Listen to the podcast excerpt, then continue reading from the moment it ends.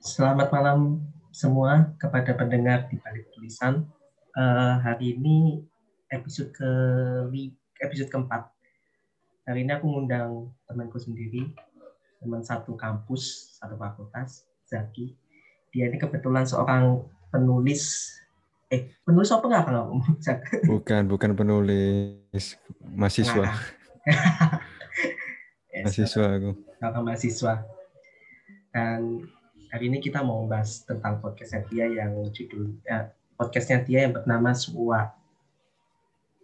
Podcastmu apa? Podcastmu apa? Namanya? Suara Podcast coretan. saya bernama nah, Suara Coretan. Ya, ya. Suara Coretan. Nah, gimana kabarnya? Kabar alhamdulillah baik, alhamdulillah sehat. Nah, nah gimana masih ngepodcast kah atau sudah berhenti? Uh, untuk sekarang uh, udah mulai, udah mulai nyetok, uh, tapi belum belum mulai upload lagi. Masih nyetok dulu biar nanti bisa konsisten. Hmm.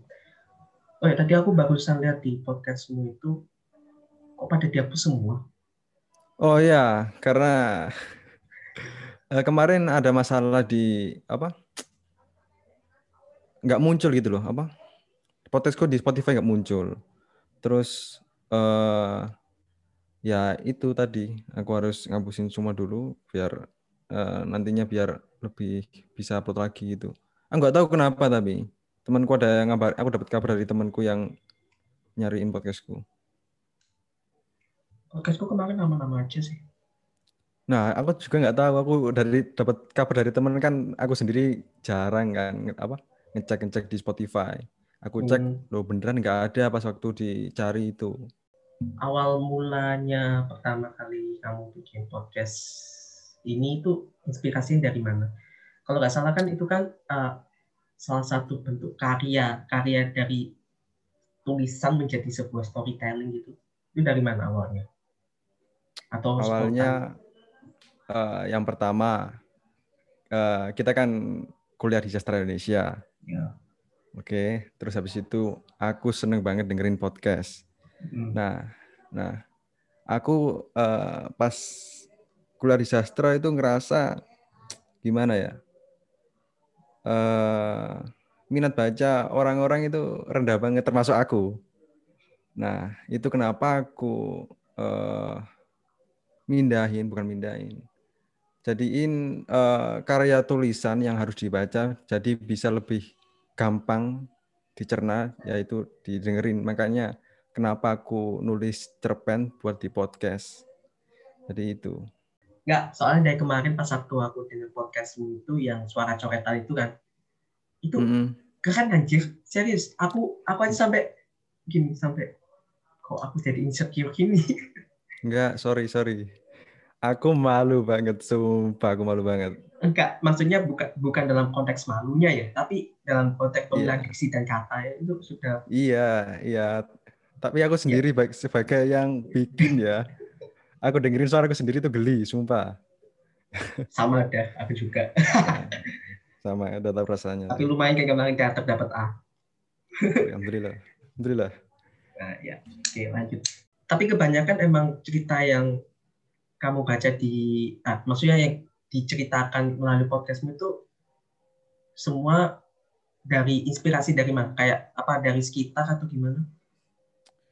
Uh, yang pertama pastinya uh, dari diri sendiri yang aku alamin. Iya. Terus habis itu uh, membaca sekitar apa yang jadi keresahan, terus jadiin uh, jadiin cerpen. Uh, kadang-kadang juga aku pas waktu dengerin podcast kan banyak cerita-cerita juga tuh. Nah itu aku ambil premisnya, aku jadiin cerpen. Hmm.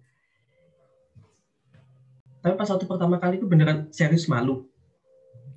Wah, Asli. Bukan pertama kali sampai sekarang, makanya aku uh, uh, mulai lagi bikin yang lebih gimana ya? Lebih layak didengerin lah minimal. Enggak, kalau ngomong layak lebih layak punyamu daripada punyamu. Punyamu enggak layak kemarin yang lama. Jangan saling merendah, oke? Okay? Sama-sama merendah. Serius punya aku enggak layak yang pertama itu. Kita sama-sama enggak layak, kita sama-sama Tapi menurutmu ya, ini ini mungkin opini, obrol ngobrol apa cara santai aja dulu Bang. Ya. Kita ngobrol santai aja. Uh, gini, menurutmu ya kalau orang yang membuat sebuah cerita itu disebut pengarang atau penulis? Kalau aku lebih ke pengarang ya. Kan membuat cerita, kan fiksi. Jadi lebih ke pengarang. Kalau penulis kan bisa penulis berita, penulis uh, narasi gitu kan uh, lebih ke apa? ilmiah atau ada kenyataannya. Kalau fiksi kan lebih ke pengarang, dia kan membuat cerita.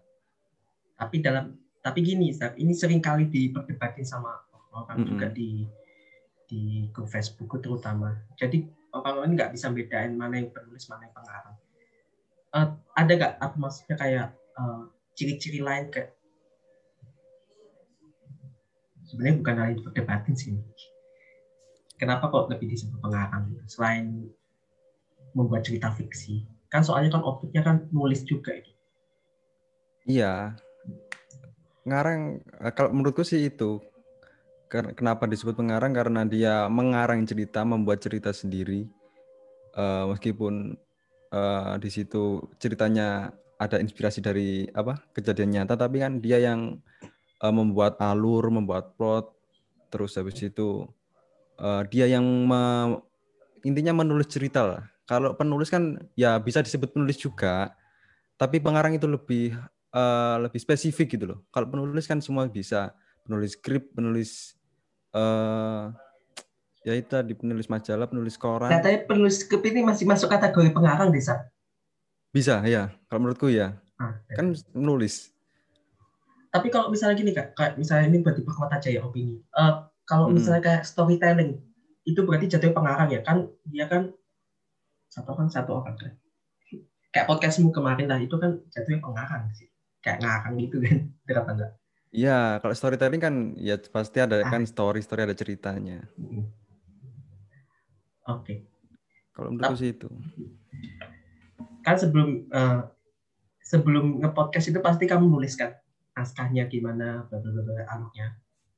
Iya, buat cerpen aku nulis hmm. itu. Itu pernah nggak di publish di mana kayak di webpad atau mungkin ikut lomba gitu? Kalau uh, cerpen-cerpenku aku masih belum karena gimana ya? Dan aku masih bukan bukan belum belum. Aku di sini kan uh, masih belajar. Ini podcastku tempat buat aku belajar nulis. Kalau nanti aku udah ngerasa, udah tahu cara-caranya, teknik-tekniknya, udah aku aplikasikan dan aku ngerasa ada perubahan. Nah di situ aku mulai uh, publish, mulai bisa ikut lomba atau ke penerbit, baru berani gitu aku.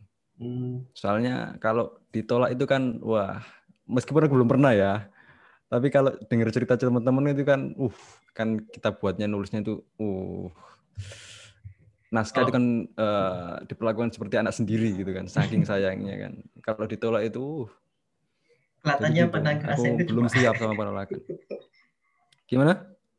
Katanya ngerasain ditolak itu. Ya itu ya aku sih biasa sih malah nggak aku ekspresi biasa tapi kuat dalam, itu. Eh, nggak tapi ekspresi biasa tapi dalam hati ya. Yang balas dendam akhirnya. Iya iya. Proses lah. Kalau misalnya uh, ngomongin inspirasi kayak misalnya ada nggak maksudnya kayak gini. Punya ini nggak apa namanya kayak fans eh fans sih kayak penggemar gitu kayak misalnya ada penggemar siapa kayak uh, idola. Iya idola kalau idola penulis atau podcast maksudnya? Uh, ya dua-duanya sih, kalau bisa. Salah satunya juga nggak apa-apa sih. hmm. Kalau penulis, aku cerpen itu baru pertama kali ngelihat cerpen itu, wah itu cerpennya uh, Seno Gumira Aji Dharma yang judulnya uh, Sepotong Senja untuk Pacarku. Itu gila banget itu. Itu. Aku dari situ uh, hmm Gimana? Oke, okay. ya kak lanjutin dulu. Oke, okay. itu uh dari cerpen ya. Aku ya, ya, cerpen. terinspirasi dari cerpen itu dari situ. Terus itu buat podcast, uh, aku lebih ke Adriano Colby.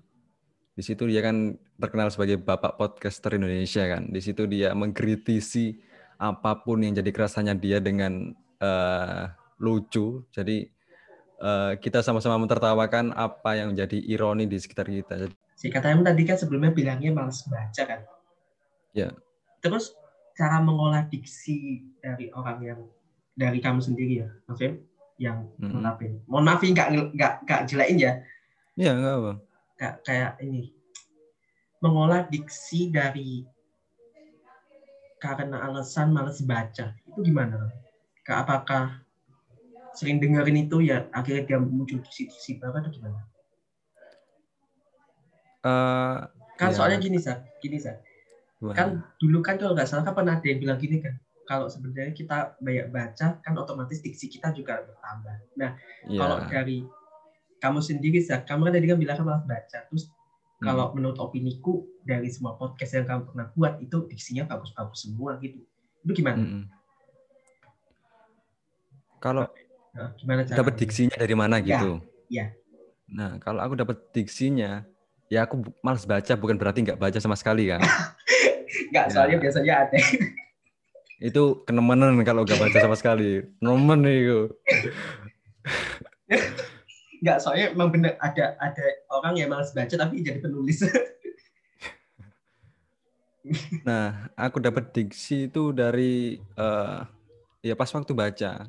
Waduh, ini keren banget. Eh, Kata-kata yang kelihatan keren gitu loh. Itu Wow. menempel gitu.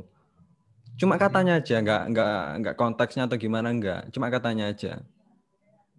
Dan kalau cerpen kan nggak perlu diksi yang eh, berlebihan kan. Yang kalau bisa yang simpel, yang gampang dimengerti. Beda sama puisi kan. Kalau puisi kan eh, harus punya eh, eh, apa? Pembendaraan diksi lah istilahnya. Susah sih kalau puisi itu. Nggak berani bahas itu. Nah, itu susah itu. Apa? Ah ini. Jadi cerpen pertama itu. Karena kemarin pas waktu itu pas satu kamu pernah cerita kamu baca novel apa itu? Novel, Heeh, yang katanya cerpen. Nggak, katanya dulu kamu pernah ngasih tahu bukunya itu novel apa sih? Novel. Aku lupa novel apa ya. Bisa aku juga lupa sih. Skip. Oke, oke. Ya ampun. Enggak sih. Oke lanjut. Ada motivasi enggak?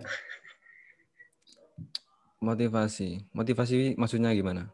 Ya kayak eh, gini soalnya kan sekarang tuh Zak, kalau misalnya kamu Hmm. terjun ke Facebook itu banyak sekali orang yang ah gini aja gini aja kamu ganti aja pertanyaan. Jadi gini Zak, pas waktu pertama kali kamu terjun ke Facebook itu di Facebook itu ya khususnya aku ya circleku itu kebanyakan itu dia tuh pengen nulis tapi nggak berani Zak. Nah itu solusinya gimana? Zak? Ah, Apa ini- kudu dikendel-kendeli? nah, Ini ini aku dapat juga eh ini aku jadi motivasi aku ya. Kenapa aku sampai bisa mau nulis gitu loh. Bukan bisa nulis, tapi bisa mau nulis. Aku juga meskipun, gitu. hasil, Aku- meskipun hasilnya agak waduh Hmm. gitu tetap Nah, itu Jadi- gimana? Soalnya itu banyak banget itu. Jadi mereka itu sampai gini, kak tulis tulis itu kayak gimana? Itu aku sampai sendiri sebel aku baca pertanyaannya itu. Ya, ya, ya. Jadi gini, kan kita nulis kan pasti punya tujuan pengen jadi penulis atau gimana lah, ada Ya. tujuannya lah. Nah, takut buat mulai karena takut apa? Takut jelek, takut diomong, eh, dicemooh orang dan itu nggak mungkin jadi cemooh orang gara-gara tulisan jelek. Mungkin eh, kalau tulisan jelek ya udah didekek ngono. Nah, kalau takut buat tulisan jelek, ya ya nggak usah jadi penulis. jadi gini, kalau orang belajar nggak mungkin langsung bagus. Kalau kalian pengen pengen nulis takut jelek, ya pasti jelek. Aku tulisanku juga jelek. Nggak mungkin orang eh, belajar nulis eh, belajar ngelukis langsung pff, Mona Lisa, nggak mungkin. kan masih jelek dulu. Iya iya. iya. Nggak mungkin hasilnya kayak di filmnya Mr. Bean itu loh, yang dicoret-coret itu loh. Nah itu mungkin pertama kali pertama gitu dulu, terus habis itu eh, berproses lah. Hmm, Tapi sih. nanti kalau udah tahu tekniknya, seru seru, sumpah seru, gampang. Udah ada rumusnya gitu loh, kayak matematika. mm-mm. Enggak, iya sih. Benar juga sih itu. Eh, tapi soal ini, eh, eh, opini uh, tentang karya fiksi yang sesuai dengan kaidah bahasa Indonesia itu gimana sih? Soalnya kan kita tahu kan kita sering kali baca cerpen orang itu ada salah satu kalimat yang gimana itu dia nggak nggak nggak sesuai dengan WP gitu loh. Ya, kalau aku sih nggak nggak terlalu itu ya nggak terlalu setuju karena fiksi itu kan non formal kalau menurutku ya. Jadi bebas karena itu tujuannya buat membangun imajinasi, membangun perasaan pembaca, bukan untuk suatu kebenaran atau suatu uh, ngikuti peraturan, bukan itu kan tujuannya. Yang penting uh, bertanggung jawab sama apa yang dikerjakan. Iya sih. Uh, kalau menurutku sih itu. Soalnya kan mungkin ya uh, pikirannya mereka kan kebanyakan penulis baru itu kan memang dia kan ditujuk menulis kudu ikut epi eh kudu ikut kap uh, gitu. Ya. ya kalau, menurutku kalau ikut WP semua ya jadinya ya nggak ada variasi jadi hambar gitu kalau menurutku. Jadi letak seninya itu di situ berarti ya. Nah, itu. Bener dong. Katanya katanya aku habis bahas ini langsung dihujat sama orang tanya ini. Menurutku uh, penulis-penulis terkenal banyak yang uh, tulisannya aneh-aneh pakai bahasa-bahasa yang aneh-aneh, nggak sesuai puebi juga kalau menurutku loh. Kalau yang aku temui. Kadang waktu ya koma dikasih titik, gitu kan? Ya, itu kan dia kan uh, haknya pengarang penulis sesuka-suka dia kan itu kan karyanya dia dan itu nggak ditujukan ke uh, proposal ke perusahaan ke apa institusi bukan kan? Ya itu kan karya-karya dia suka-suka dia. Kalau nggak setuju ya silahkan. Silahkan nggak nggak dibaca.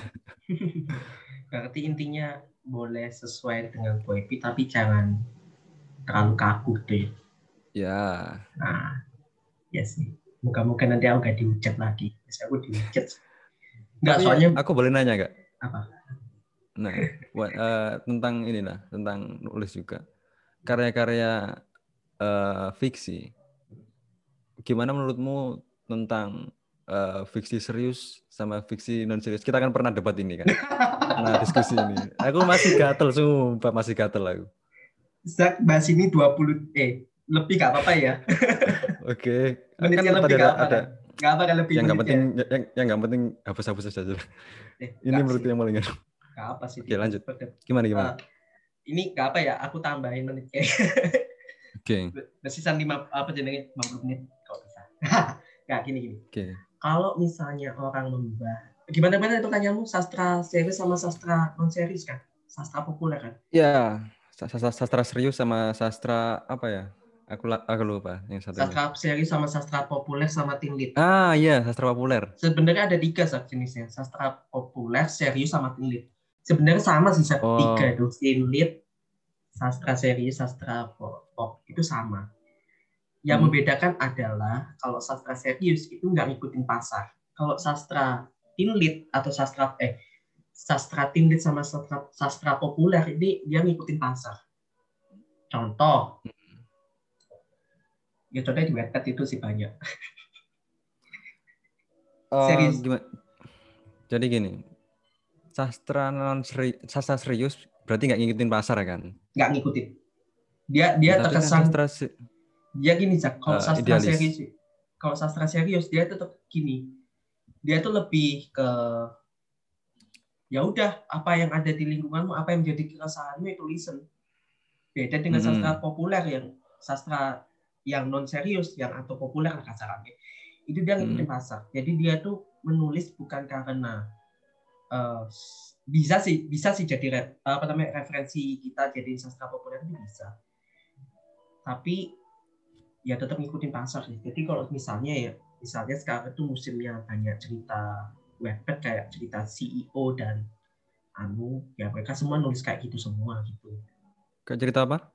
CEO CEO CEO CEO kalau nggak tahu CEO ini gitu kayak direktur perusahaan menikah yeah. dengan wanita yang ada di bawahnya seperti kayak sekretarisnya kayak atau mungkin kayak OB-nya kayak gitu. Enggak gini, kalau misalnya sastra populer itu dia tuh ngikutin pasar kayak cerita-cerita webpad gitulah. Kalau series itu enggak. Hmm. Jadi series itu dia tuh nggak mentingkan dia harus ngikutin pasar apa enggak, tapi dia ngikutin apa namanya ada makna yang disampaikan dari penulis kepada pembaca gitu. Ya. Itu sih bedanya. Kalau menurutmu kamu setuju dipisah atau eh, nggak ada pengotakan? Kayaknya kalau aku ngomong dipisah nanti aku dipisah sama yang bagian itu. Kalau aku ngomong disambung, Nggak apa-apa, jujur aja, nggak apa-apa namanya juga kalau pendapat. aku bilang sih sama aja sih. Iya. Meskipun betul. kita bikin novel, eh, meskipun kita bikin cerita yang notabene populer, tetap aja dibilang sastrawan. Harusnya Dan- loh ya. Ya, Karena letak seninya tadi katamu itu eh, yang kayak tulisan tuh. Letak Iya. tulisan, letak, letak kayak seninya kan di sana. Itu sih. Dan kalau ngikutin pasar, kalau patokannya pasar ya, Kan sastra serius juga punya pasar sendiri. Eh, Dia iya, dia punya pasar sendiri. enggak, bukan bukan itu besar maksudnya. Maksudnya pasar ini ini loh. Ya, Ditentuin kan? apa? Ditentuin eh, CEO tadi kan. Bukan, maksudnya pas maksudnya yang sedang ngetren saat ini tuh apa gitu loh. Nah, Itu loh maksudnya. misal kasus ya, Ah, aku tanya. jangan, jangan, jangan kasus. Eh, misal nih, Terus, enggak, maksudnya yang populer itu lebih ditentuin dengan pasar. Apa yang sedang terjadi hari ini? Contoh yang tadi cerita aku tadi. Atau enggak dia ngikutin pasar kayak misalnya ikutin cerita drama Korea gitu. Itu bisa. Tapi kadang-kadang eh, ada sastra-sastra serius yang eh, dinilai sebagai sastra populer karena banyak yang banyak, peminatnya. Kalau gitu gimana? Kayaknya enggak, enggak bisa dibilang sastra seksi. Kalau aku boleh bilang ya teh. ini Eh. ini pertanyaan ini rancu benar ini. Enggak iya, kalau- soalnya kan Ah iya, memang benar Eh. ada ada orang yang dibilang sastrawan, dibilang tulisan itu benar-benar isi makna, tapi dia bukan sastrawan tuh ada. Ya contohnya Terelie itu. Terelie itu bukannya sastra serius itu. Enggak, Terelie itu Enggak. Eh, Populer. kalau Nah, aku kasih tahu ya, Terelie itu sebenarnya itu dia tuh penulis semua genre sih, semua tulisan dari sastra Hmm. remaja, sastra pop, sastra series dia juga nulis. Yang seri, cuman saking dia kenapa nggak bisa disebut sebagai sastrawan karena kebanyakan cerita dia itu nggak dari pandangan hidupnya dia. Maksudnya dia tuh nggak ngeliat dari sekitar tapi dari imajinasi. Ya tetap ada riset sih. Oh, iya iya. Itu itu menurutku loh ya. Tetap ada riset Hmm. contohnya itu kayak ini sih. Aku kemarin baca yang ya dari itu yang daun yang jatuh tak pernah membenci angin. Itu sebenarnya sastra serius sih. Novel serius itu. Hmm. Cuma kebanyakan eh, kayak ngomong itu sastra populer gitu aja. Tapi sebenarnya isinya itu emang ada maknanya benar. Kayak bahasanya eh, Iya iya iya. ya kayak gimana gitu. Tapi ada yang bilang emang Terry ini bukan sastrawan karena dia ada beberapa cerita yang memang dia nggak sastra. Contohnya kayak serial Bumi. Serial Bumi itu kan fantasi kan. Hmm. Oke oke. Itu sih.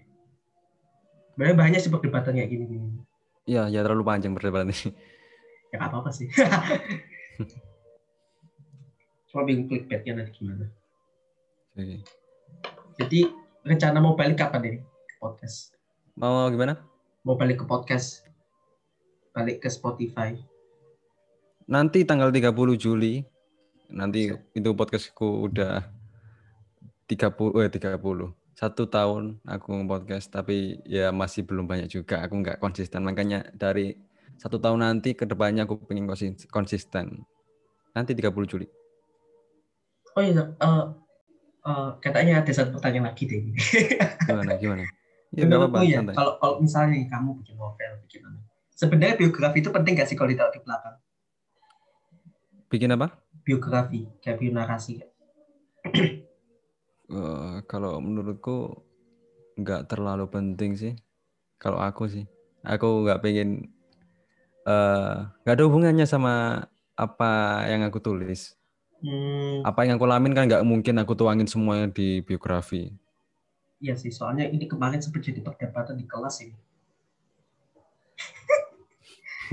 ya itu loh yang karya siapa? Karya Terilius sih juga sih. Dia kan soalnya kan nulis biografi kan jadi perdebatan sebenarnya mau tak mau aku bantah Oh. ya punya Ya, ya. yang kita kelas kritik sastra ya itu itu sebenarnya kan dia kan ada alasan kenapa ada Ya ada haknya penulisnya, hak pengarangnya juga. Nah, jadi kesimpulannya adalah kalau pengen nulis ya nulis saja ya nggak usah nggak usah Tulis takut. aja. Kalau jelek pasti jelek. Gak Kita mungkin nulis langsung jelek. bagus. Iya serius langsung gitu. Gramedia. Waduh. Gini kan dia Hmm. komentar. Gimana sih kisah yang bagus itu? Riset. Hmm, kan soalnya kan kalau nggak salah pas waktu kamu pernah ikut seminarnya Agus Nur di kampus kita kan, itu Heeh, kan Agus Nur kan juga sempat nyinggung riset juga kan. Iya. Nah itu sih. Itu kan sering dipertanyain sama anak-anak komunitasku.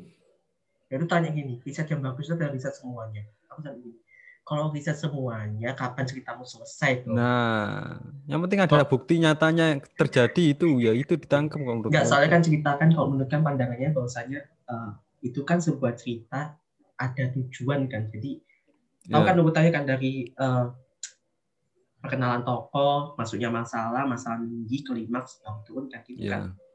Nah ini Iya. kebanyakan itu mesti kadang melenceng ke sana, kadang melenceng ke saking saking asiknya dengan riset akhirnya riset dimaju semua. Oh, gitu. Oke. Iya, itu pertanyaan. Oke, Terus habis itu adalah kita gini, Ditampilin semua risetnya. iya Hmm. ada itu, saya gak gak gak guyon itu emang bener ada sih. Tapi kok menurutnya enggak. Kalau menurutku gimana? Gak usah semua kan? Kalau menurutku ya bisa dituangin banyak bisa, tapi kan tujuannya pasti harus punya tujuan buat mungkin risetnya biar eh, pembacanya bisa ngerti bener-bener di posisi tokoh yang di situ. Hmm. Misal eh, kamarnya anak kos itu gimana risetnya, sempitnya gimana, eh, berantakannya gimana gitu loh maksudnya. Di deskri apa? Deskripsikan gitu loh. Nah, itu kan tapi ya nggak- jangan berlebihan gitu loh. Kalau eh, secukupnya aja lah. Iya sih. Katanya semuanya deh, gak cuma cerita. Soalnya kan pandangannya mereka, pandangan mereka itu cerita fantasi, risetnya kudu bener bla bla bla. Menurutnya nggak usah sih. Nggak, iya pandangan ya saya cerita fantasi wordingnya harus jelas lengkap ini ya menurutku ya nggak usah ya ri- riset sih boleh penuh boleh tapi ya ingat ceritanya mau ke mana ceritanya Nah, itu. Yang penting fokus ke cerita ke alur lah. jadi intinya berani berarti intinya berani nulis saja ya Ya berani nulis saja. Kalau jelek pasti. nggak nggak bisa dihindari itu. kayaknya kalau aku mau ngomong jelek gak bisa deh Gimana? aku ngomong jelek gak bisa deh Maksudnya nggak eh, maksudnya ngomong karyanya orang lain jelek itu gak bisa maksudku jelek gini loh. Dalam ukuran pemula. Jadi kan ada takaran pemula Ah, gitu loh maksudku. iya, tahu, tahu, tahu. Nah, ya pasti masuk pemula dulu kan. Buat naik kan pasti dari bawah. Maksudku gitu. iya maksudnya aku gak berani ngomong jelek itu ke karya mereka Iya. meskipun notabene Oke, pemula. main aman. Saya suka. ya bukan ya takutnya menyinggung kan kan biasanya soalnya Iya. kan gini eh ya mereka takut dikritik sih dasarnya tapi menurutku kritik Nah, itu nggak masalah. sudah ada. nggak masalah sih Takut dikritik. ya takut dikritik sih biasanya Nggak masalah juga. ya udah Zak, makasih ya Oke, oke. Oke. oke sekian dulu terus pod- Oke. eh, podcast hari ini jadi intinya kalau pingin nulis ya nulis aja gak usah takut mungkin ada yang mau disampaikan oleh Zaki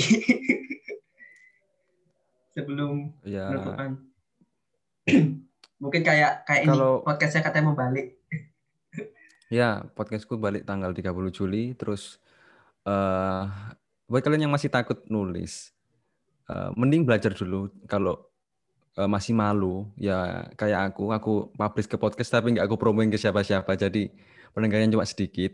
Nggak ya. apa-apa, nggak usah dipromoin dulu, nggak usah disebarin dulu. Sampai kalian nyadar, oh gini polanya, gini caranya. Terus ada perubahan, ngerasain perubahan, udah mulai berani, pasti ada kemauan buat eh nge apa nge-publish apa ceritanya apa karyanya. Kalau kalau takut eh dikomentari orang, mending gitu aja. Hmm. Ya sekian dulu ya dari podcast kami sampai ke podcast di balik tulisan sampai ketemu di episode berikutnya. Oke, terima